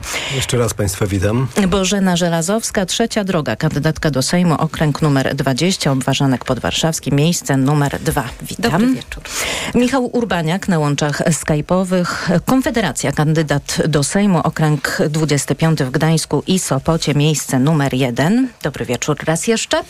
Ponownie się kłaniam. Grzegorz Ćwiertniewicz, bezpartyjni samorządowcy, kandydat do Sejmu, okręg trzeci, miejsce 26. Dobry wieczór. Rozmawialiśmy przed informacjami e, i w pierwszej części debaty o ustawie o artystach zawodowych, o dofinansowaniu kultury i przechodzimy teraz do palącej kwestii mediów publicznych. Moje pytania brzmią tak, jakich mediów publicznych potrzebujemy i czy w ogóle, a jeśli tak, to co zrobić, żeby je odpartyjnić? I zaczyna Grzegorz Ćwiertniewicz. No cóż, Szanowni Państwo, jak pięknie byłoby, gdyby media publiczne realizowały chociażby misję wyrażoną w ustawie o radiofonii i telewizji, podkreślającą przede wszystkim pluralizm, bezstronność, wyważenie, niezależność czy też innowacyjność. O tym, że tak nie jest, świadczy, świadczy chociażby dzisiejsza debata, którą już sobie e, skomentowaliśmy na samym początku. Myślę, że przede wszystkim, myślę, że telewizja publiczna, w ogóle media publiczne spełniałyby swoją rolę, gdyby przestrzegały tego, co jest zapisane w ustawie radiofonii i telewizji. Bo tutaj rzeczywiście te zapisy są bardzo konkretne, bardzo, bardzo stawiające na obiektywizm, na bezstronność, y, na innowacyjność, na nieangażowanie się w jakieś y, procesy polityczne, na służenie obywatelom. Tutaj myślę, nie ma co wyważać otwartych drzwi. Po prostu należałoby respektować te zapisy, które już funkcjonują, a nie robić sobie z mediów publicznych, prywatnych mediów tak naprawdę, które sprzyjają tylko jednej władzy. Agata Diduszko-Zyglewska, Lewica, bardzo proszę. Media publiczne. My w Lewicy nie mamy wątpliwości, że y, silne media publiczne są w Polsce bardzo potrzebne, dlatego że media publiczne są tym miejscem, kiedy są właściwie używane, właściwie jedynym, które mogą służyć systemowemu edukowaniu ludzi dorosłych. I to jest w Polsce bardzo potrzebne, ponieważ doprowadzono do tego, podzielono nas na te dwa nienawistne obozy. Natomiast my musimy wrócić do tego, żeby ludzie w Polsce zrozumieli, że to jest nasz wspólny dom, że wszyscy mamy prawo tu mieszkać, że mamy prawo mieć różne poglądy na różne sprawy, że to jest w porządku i że media publiczne to jest właśnie to miejsce, w którym się rzetelnie tę różnorodność prezentuje, pielęgnuje i szanuje. Żeby to zrobić, mamy bardzo konkretny program, jak to zrobić. Po pierwsze, chcemy powrotu do obywatelskiego paktu o mediach publicznych, bo ludzie związani z mediami publicznymi i ludzie kultury wypracowali i zaproponowali sposób, jak to zrobić, żeby te media odpolitycznić i żeby rzeczywiście one przestały być jednak takim, żeby utransparentnić sposób wy, wybierania ich władz. Musimy to wspólnie dokończyć, wymyślić i zrobić. Musimy oczywiście zlikwidować Radę Mediów Narodowych, bo to jest skrajnie upolityczniony organ działający po prostu politycznie, niepotrzebny zupełnie. E, poza tym musimy zaktualizować ustawę o mm, radiofonii i telewizji, również w kontekście tego, że działają platformy internetowe i na przykład polscy twórcy w przeciwieństwie do twórców z całej prawie Europy nie dostają tantiemów za to, że ich dzieła są w, w internecie tworzone. Chcemy też uniezależnić media publiczne od reklam, ponieważ one nie mogą być zależne od komercyjnego rynku, bo to obniża ich standardy oraz, co jest bardzo ważne, chcemy wprowadzić do prawa odpowiedzialność za rzetelność prezentowanych treści, bo widzimy, co się stało przez te 18, 8 lat, kiedy używano mediów publicznych jako tuby propagandowej bez żadnej odpowiedzialności za fake newsy, za urządzenie nagonek na grupy obywateli w tych mediach i tak dalej, więc odpowiedzialność za te treści w mediach publicznych finansowanych z budżetu publicznego musi być po prostu zapisana w prawie. Prosimy o głos teraz Krzysztofa Mieszkowskiego, Koalicja Obywatelska, Media Publiczne. Tak, zacznę od cytatu e, z Leszka Kołakowskiego, e, który napisał, że systemy autorytarne potrzebują nienawiści, dlatego że nienawiść niszczy wewnętrznie tych, co nienawidzą. Czyni ich, bez, czyni ich bezbronnymi i uległymi wobec e, autokratów. Otóż dzisiaj mamy taką sytuację właśnie, że tym narzędziem, które produkuje tę nienawiść jest telewizja publiczna, ale także niektóre stacje radiowe, które, które są także częścią e, tej przestrzeni mediów publicznych w Polsce. Więc y, tutaj nie ma żadnej wątpliwości, że y, media publiczne trzeba uobywatelnić i ten, y, ta propozycja, o której mówiła Agata jest jak najbardziej istotna i ona jest nasza uwspólniona, bo, bo tutaj trudno sobie wyobrazić, że, że poza społeczeństwem obywatelskim będziemy jakieś nowe media kreować. A więc dziennikarze, filmowcy, literaci, muzycy muszą wziąć udział w formatowaniu i formułowaniu nowej przestrzeni medialnej i istotne jest to, żeby stworzyć e, taką formę finansowania tych mediów, które będą obiektywnie e, jakoś e, oceniane, czy te kryteria będą obiektywne, jakiś fundusz, fundusz, fundusz finansowania mediów publicznych. Zresztą w, w, jednym z, w jednej z propozycji Instytutu Spraw Publicznych taka taka koncepcja pojawia się i warto też nad nią się pochylić. Dyskutowaliśmy o tym wielokrotnie, a więc nie ma żadnej wątpliwości, że dzisiaj media publiczne e, muszą być e, przeformułowane w sposób e, absolutny. Może potrzebna jest jakaś atomowa propozycja, nie wiem, całkowitej likwidacji instytucji i powołania na nowo z nowymi prerogatywami, z nową formułą, z nową strukturą i tak dalej, i tak. Nad tym będziemy się oczywiście pochylać, zastanawiać, będziemy dyskutować o tym, bo nie mamy również żadnej wątpliwości, że bez mediów publicznych polska przestrzeń e, kulturalna, edukacyjna, naukowa, społeczna no, będzie uboższa oczywiście i trzeba e, mieć świadomość tego, że e, media publiczne są częścią kultury oczywiście również.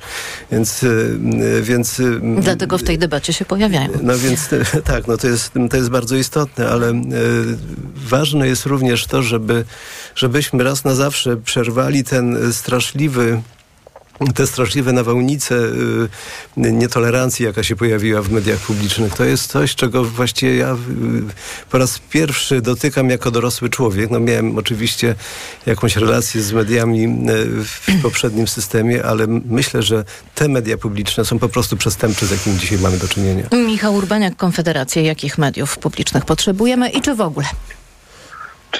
Truizmem będzie, jeśli powiem, że media publiczne powinny być wolne od politycznych nacisków, ale żyjemy w świecie, w jakim żyjemy i jest to mało możliwe.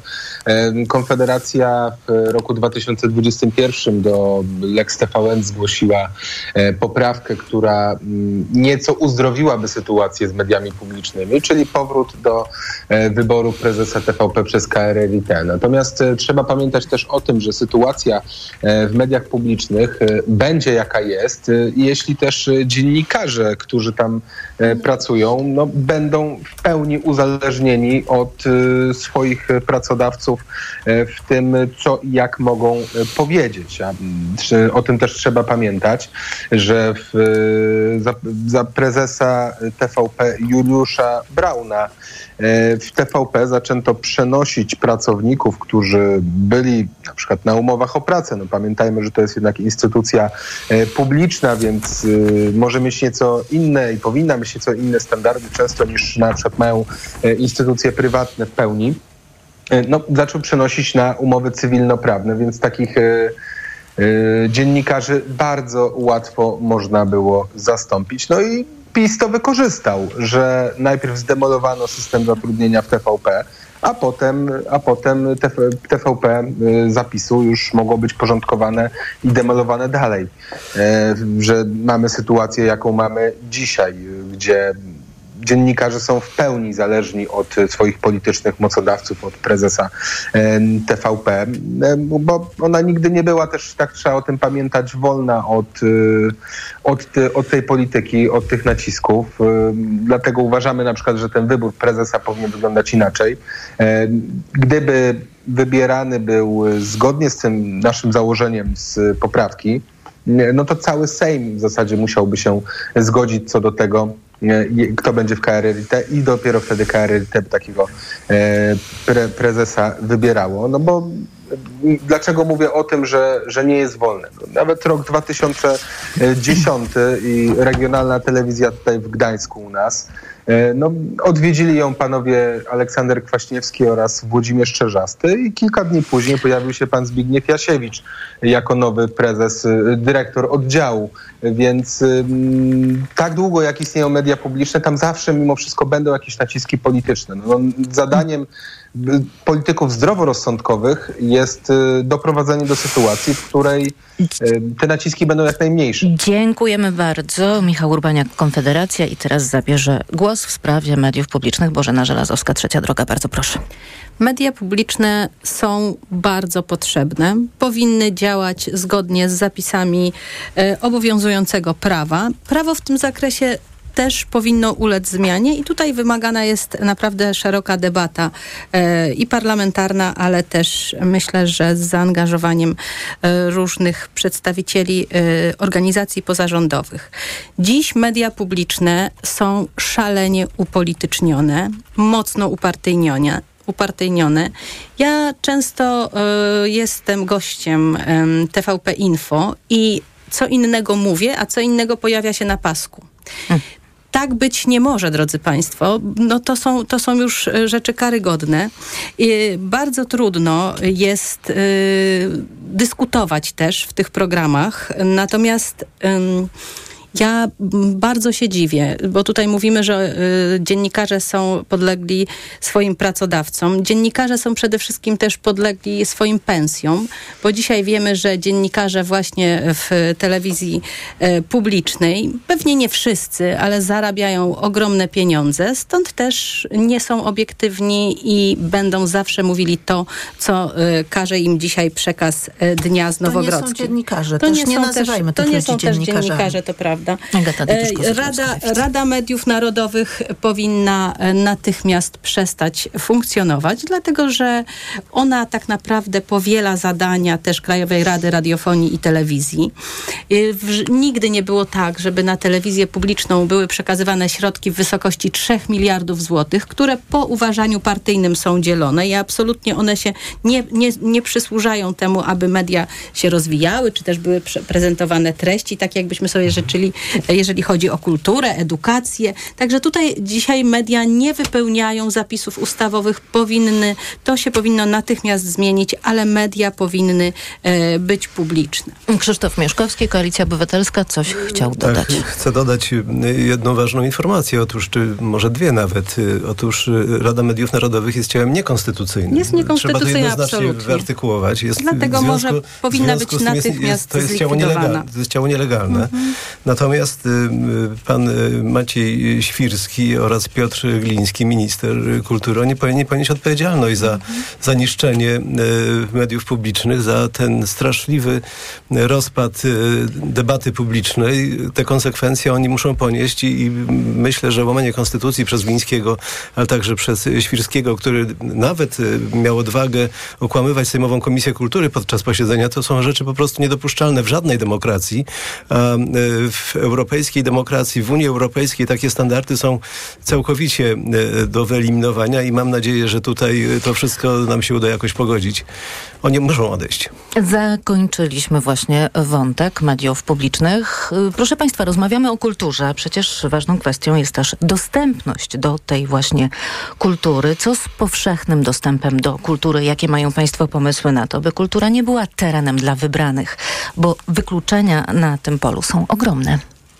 Ogromne są. Ja myślę, Krzysztof Mieszkowski. Myślę, że, że to jest jeden z podstawowych elementów również jakiejś karykatury naszej demokracji, bo w małych miejscowościach czy w, na wsiach ludzie dostęp do kultury mają zminimalizowany. Główną formą obcowania z kulturą jest kościół, więc w tych miejscowościach obok kościoła i remizy trzeba wybudować bibliotekę albo świetlicę, coś, co będzie połączenie jednego z drugim i wówczas będziemy mieć szansę na to, żeby zerwać również z tą formułą państwa wyznaniowego, z którym mamy dzisiaj do czynienia, więc y, dla, dla ludzi, którzy nie mają dostępu do kultury, to jest y, niezwykle ważne, czy może być niezwykle ważne, a dla naszej demokracji podstawowe.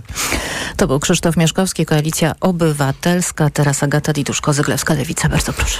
Tak, właśnie, a propos wykluczeń, ja tutaj m, mm, trochę obok, ale powiem, że bardzo ważnym punktem i też wiem, że go dzielimy z częścią ugrupowań jest to, że żeby kultura znowu mogła być wolna, to musimy zlikwidować dwie rzeczy w kodeksie karnym. Artykuł 196 o obrazie uczuć religijnych i 212 o zniesławieniu, bo to są te kagańce, które są zakładane i na artystów, i na dziennikarzy. E, I one utrudniają działanie także właśnie w ośrodkach kultury w małych miejscowościach, gdzie większe wpływy ma Kościół e, i w związku z tym można szafować tego rodzaju zarzutami. Natomiast rzeczywiście tak, e, przypominam, że w Polsce mm, rozwijał się i działał przed 2015 Narodowy Program Rozwoju Czytelnictwa. Ja byłam konsultantką tego programu i to był bardzo dobry program, który właśnie miał na celu udostępnienie kultury na takim podstawowym poziomie i on między innymi polegał na tym, że w całej Polsce zaczęto budować biblioteki, bo biblioteki są właśnie takimi najbardziej egalitarnymi instytucjami kultury, które wpuszczają wszystkich, nie stwarzają żadnych barier finansowych i tak dalej.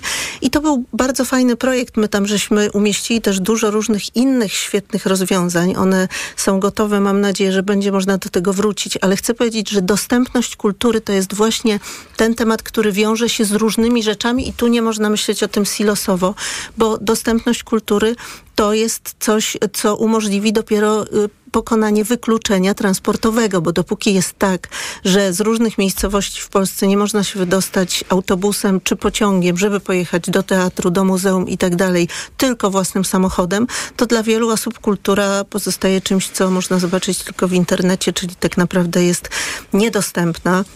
Więc rzeczywiście my musimy naprawić bardzo dużo różnych rzeczy dotyczących dostępności właśnie yy, w ten sposób, żeby ludzie w ogóle mieli możliwość dotrzeć do instytucji kultury, ale tak jak powiedział Krzysztof Mieszkowski, one też muszą wrócić do małych miejscowości, bo rzeczywiście tutaj Kościół korzysta na tym, że w wielu miejscach jest jedyną instytucją, gdzie ludzie mogą się gromadzić. Jest tak dlatego, że Komisja Majątkowa w bardzo wielu miejscowościach w Polsce przekazała przekazała Kościołowi jedyne budynki, które były budynkami publicznymi. Chcę to podkreślić, bo o tym się rzadko mówi.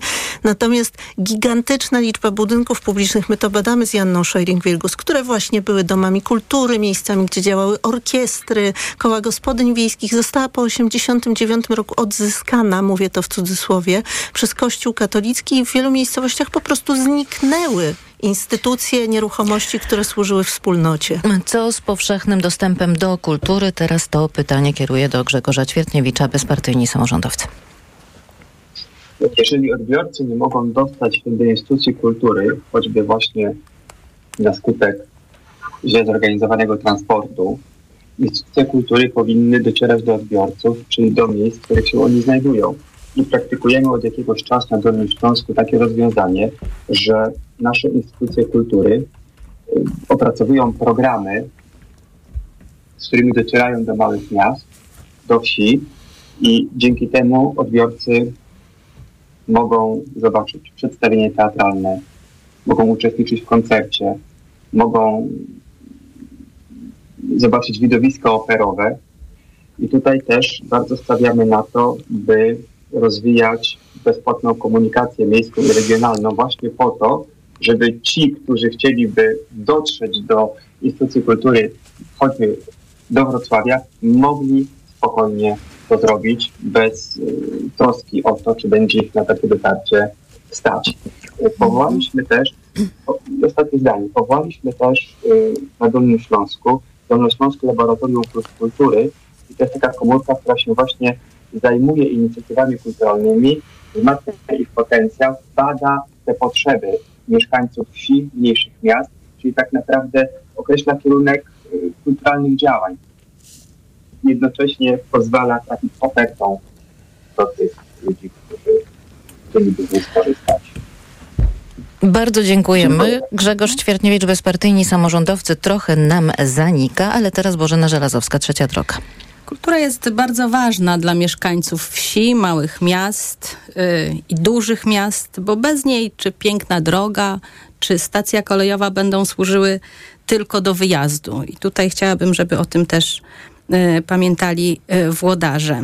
Są takie miejsca, mm, które całą swoją e, markę zbudowały na kulturze właśnie. Stąd e, wiemy, że kultura ludowa, e, regionalizmy powinny również być odpowiednio traktowane, dofinansowane i żebyśmy o nich nie zapominali. Natomiast ja, kiedy też przez moje prawie całe zawodowe życie mm, pracowałam w kulturze, wymyśliłam szereg projektów, jak ta kultura powinna trafiać bardziej pod strzechy i uważam, że są różne mniejsze formy teatralne, które powinny właśnie jeździć do tych mniejszych miast. Często właśnie remizy strażackie są dzisiaj pięknie wyremontowane, mają scenę, są to jedyne ośrodki życia kulturalnego w danej miejscowości i one są akurat zarządzane często przez domy kultury. Na przykład jeżeli w danej gminie jest dom kultury, to ta remiza jest filią tego domu kultury i to też nie są złe rozwiązania. Trzeba je bardziej dofinansować, stworzyć e, powiązanie, jeżeli chodzi o siecią internetową i tutaj jest też e, duże pole do popisu. Natomiast e, te teatry mogą absolutnie przy mądrym zarządzaniu finansami kultury docierać do mniejszych ośrodków kultury i to się dzieje na Mazowszu. Myślę, że tutaj możemy być e, takim dobrym e, przykładem. Ja też nie widzę niczego złego, jeżeli koncerty odbywają Musimy się właśnie w kościołach, kończyć. czy też w mhm. przepięknych wnętrzach należących do, no, do stowarzyszeń, czy, czy też właśnie do kościoła, gdzie e, no, są piękne wydarzenia kulturalne, na przykład zespoły, które przyjeżdżają, to są dobrze akustyczne sale, więc ja myślę, że tutaj taka współpraca jak najbardziej jest na miejscu, a zwłaszcza wierzcie mi Państwo, że na, w małych miejscowościach to często są jedyne instytucje, gdzie to życie kulturalne również może rozkwitać. Tak, i mówiłam dlaczego. Ale nie, nie, ja, myślę, ja myślę, że tu się nic złego nie dzieje i w wielu, w wielu miejscach nie, ale my mówimy tak o tym, żeby, jest... żeby tę strukturę zmienić, żeby to nie było właśnie tak, jak y, opowiadasz. Teraz Michał Urbaniak, Konfederacja ma głos. Konstans, a tu trzeba dokonać jakichś Ale ja też, nie, ja też nie znam akurat, e, tak, nie tak, znam już. takiej miejscowości, gdzie zostały zabrane e, społeczne nie, to lokale, Państwo odniosą do tego później, bo teraz musimy trzymać się porządku debaty. Michał Urbaniak. Dziękuję. Ja mam takie wrażenie, że zarówno pani e, Diduszko-Zyglewska i pan e, Mieszkowski to raczej chcieliby chyba wykorzystywać kulturę e, do walki z Kościołem. No takie można odnieść wrażenie po tych wypowiedziach, które Proszę się nie martwić o to, proszę pana. E, więc pozwoli pan, że dokończę. Tak, e, a potem będą się mogli państwo odnieść jako ci jedyni oświeceni, którzy będą ten lud wiejski tutaj edukować, tak? No, no tak to, to też nie do końca wygląda niestety. Ja bym się chciał powołać też na ekonomiczne prawo Engla. Zgodnie z tymi prawami, konkretnie z trzecim prawem Engla, E, wzrost e, dochodów każdego gospodarstwa domowego powoduje, że spada ten stosunek wykorzystania dochodów, wykorzystania środków gospodarstwa na potrzeby podstawowe, wzrastają, wzrasta wykorzystanie środków na dobra luksusowe, na potrzeby inne, na potrzeby kulturalne także. E, więc powszechny dostęp do kultury, no mimo wszystko będzie mocno korelował z sytuacją gospodarczą danego, e, danego regionu, danego państwa w danym momencie e, w rzeczywistości. I na tym też, o tym też trzeba pamiętać, jeśli mówimy o kulturze, jeśli mówimy o dostępie do tej kultury. I tutaj też duża rola jest przy okazji tak obok mówiąc, e, samorządów e, do organizacji zarówno wydarzeń i imprez kulturalnych, zwłaszcza tych promujących na przykład dane regiony, bo to bardzo ludzi e, przyciąga. Ja nie widzę tutaj jakiegoś problemu ani sprzeczności w tym, żeby to były wydarzenia i kulturalne, i czasem religijne też. No, choćby dożynki są doskonałym przykładem, dokładnie, dożynki są doskonałym przykładem na to, jak można łączyć zarówno wydarzenie religijne z wydarzeniami kulturalnymi. Już tam nie zawsze na tych dożynkach pojawiają się zespoły e, muzyczne na przykład najlepszej, e, najlepszej klasy. Czasem aż ucho boli, ale, ale jednak mimo wszystko jest tam wiele też innych wydarzeń i dzieł e, z tej kultury czasem wysokiej, a czasem właśnie ludowej, i, i dzieł lokalnych twórców, co też bardzo trzeba docenić, e, bo to też spaja daną społeczność i dajmy ludziom wybierać, co chcą oglądać i czego chcą słuchać, no. czy w czym brać udział. Dobrze, dziękujemy. Teraz I w takim razie każdy może się państwo, odnieść. Tak, e, Bożena Żelazowska, trzecia droga. Na dożynki cieszą się ogromnym powodzeniem. Ja w tym roku byłam zdumiona, jak w dożynkach w Grodzisku Mazowieckim, to jest miasto, było ponad 3000 ludzi, może nawet 5. Więc i wtedy można prezentować też e, ten swój dorobek, e, który e, zespoły ludowe, miejscowe mają. Natomiast jeszcze chcę o jednej bardzo ważnej rzeczy powiedzieć.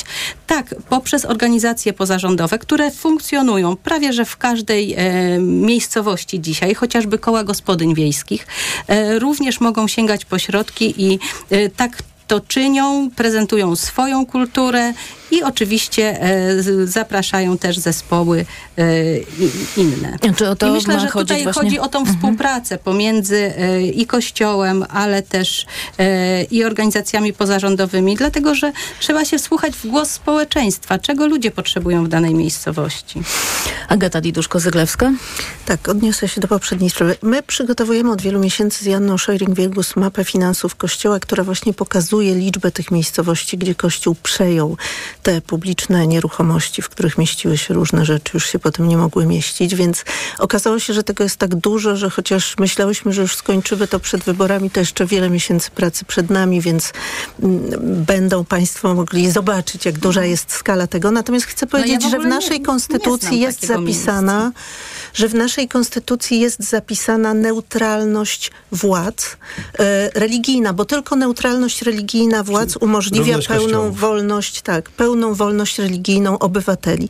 I w związku z tym organizowanie uroczystości, o których państwo mówią, z udziałem parafii, księży katolickich i tak dalej, odbiera tę wolność religijną ludziom, ponieważ splot władzy i jednego konkretnego kościoła oznacza dominację tego kościoła. Jest to sprzeczne z zapisami naszej konstytucji. Dlatego y, ja jednak uważam, że budżet kultury powinien iść na kulturę, ludziom. natomiast y, Kościół jako bardzo bogata międzynarodowa organizacja zwolniona w Polsce z większości podatków nie powinien czerpać pieniędzy z tego budżetu. Agata Didruszko-Zeglewska, Lewica, teraz jeszcze Krzysztof Mieszkowski, Koalicja Obywatelska. Przypomnę Państwu, że y, kilka lat temu y, proboszcz w, w jednej z parafii gdańskich y, palił książki, spalił Harry'ego Pottera.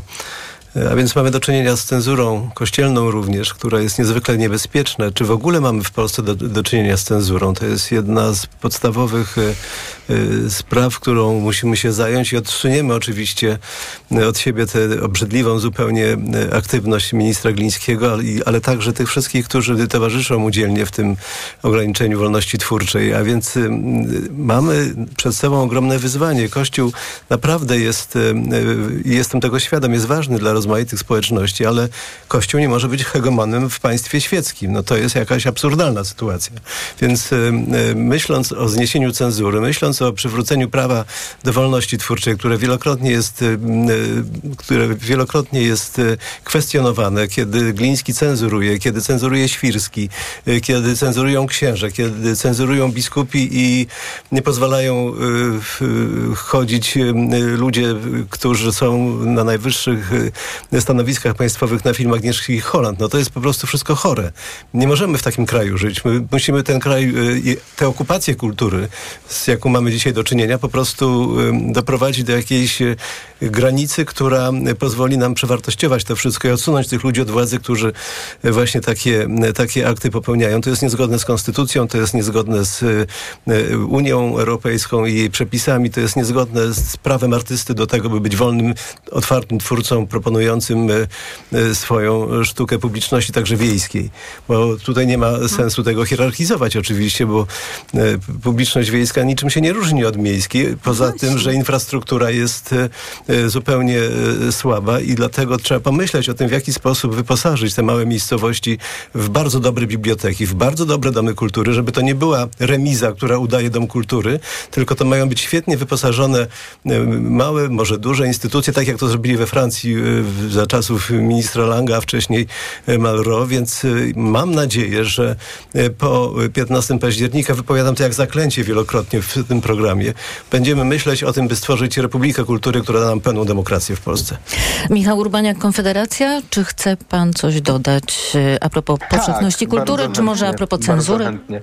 E, No bardziej e, a propos cenzury, bo proszę pamiętać też o tym, że e, członk, większość Polaków to, to są członkowie Kościoła katolickiego i oni są taki takimi samymi obywatelami jak e, pan Mieszkowski, Ale to jak nieprawda. ja. 20 jak parę procent inny. ludzi chodzi do kościoła Dobrze, tylko. Pozwoli pani, że powie pani w To swoim czasie, kościelne dobrze? statystyki. To po, powie pani w swoim czasie. E, więc y, każdy z tych obywateli ma takie samo prawo do krytyki także pewnych y, zachowań, pewnych działań, pewnych e, też y, sztuk czy, czy, czy wydarzeń kulturalnych, jak każdy inny obywatel. Nikt panu Mieszkowskiemu na przykład nie broni tego, żeby krytykować jakieś, nie wiem, powiedzmy mocno katolickie y, wydarzenia kulturalne, tak? No bo takie też się w Polsce Ale one mogą mi się podobać, proszę Czy- pana. Ale no oczywiście, że mogą, ale nikt panu nie będzie bronił tego, żeby stwierdzić, że uznał pan, że coś jest na przykład słabe. No przecież y, proszę zostawić w takim razie też prawo do krytyki innym osobom. No chyba mamy w Polsce wolność Mhm. Ale słowa. nie mówimy o prawie do krytyki. mamy wolność Ale po- słowa, no to y, to, co pan Mieszkowski wybierać. nazwał po to, co pan Mieszkowski nazwał jakąś cenzurą, to była raczej krytyka w przypadku A akurat proszę pana, udział pana Szalenia Winnickiego w proteście Możemy. przeciwko y, klątwie w Teatrze y, Powszechnym w Warszawie to była A krytyka, czy, pan- czy a zakwestionowanie pan, że- pracy artystów? A ja y, uważam, że to jest krytyka i Proszę jest, pana, a do jaka krytyka, prawo. jak oni tego spektaklu nie widzieli w ogóle? wybierać. A proszę pana, a, y, A obecność, a obecność Młodzieży widowni? Wszechpolskiej przed projekcją y, filmu Agnieszki Holland Zielona Granica w Krakowie to jest krytyka, czy to jest cenzura? Ale Proszę mi powiedzieć. tutaj, jeżeli mogę. Czy Tak, już wy- oddaję pani głos. Pana z, z oglądania filmu, czy coś? No właśnie, ale wiecie Państwo, ja e, słuchając nawet To jeszcze Bożena Żelazowska. w naszej debacie, Trzecia bardzo droga. jestem zmartwiona, bo ona pokazuje, że jednak no, nie ma tolerancji nawet chociażby pomiędzy przedstawicielami różnych środowisk, a potem wymagamy jej od dzieci, wymagamy jej od rządzących. E, Ja myślę, że po pierwsze możemy wybierać. I powinniśmy móc wybierać. Jeżeli e, jakieś wydarzenie jest organizowane przez Kościół i w Kościele właśnie, to są jego zwolennicy i też mają prawo tam być, do, bo nasi wierni są również mieszkańcami naszego kraju. tego nikt nie Oczywiście, kwestionuje Po przecież. pierwsze. Po drugie, jeżeli ktoś chce wybrać inny rodzaj sztuki, to też ma Możemy- prawo na niego pójść. Tak, Możemy- tolerancyjni. Możemy To jest- wybierać, ja myślę, że wybierzemy właśnie. Miejmy nadzieję. Niebawem, 15 października. Na tym kończymy dzisiejszą debatę. Bardzo dziękuję uczestniczkom i uczestnikom. Byli z nami Agata Lewica, kandydatka do Sejmu, okręg 19 Warszawa, lista trzecia, miejsce trzecie. Krzysztof Mieszkowski, Koalicja Obywatelska, kandydat nowoczesnej do Sejmu, okręg trzeci, Wrocław, miejsce numer 5. Dziękuję Była bardzo. z nami Idźmy na wybory. również e, Bożena Żelazowska, trzecia droga, kandydatka do Sejmu, okręg numer 20, obważanek podwarszawski, miejsce numer 2. Dziękuję. Bardzo dziękuję, dobranoc. Dziękuję bardzo Michałowi Urbaniakowi, Konfederacja, kandydat do Sejmu, okręg 25 w Gdańsku i Sopocie, Dziękuję miejsce numer 1 i z nami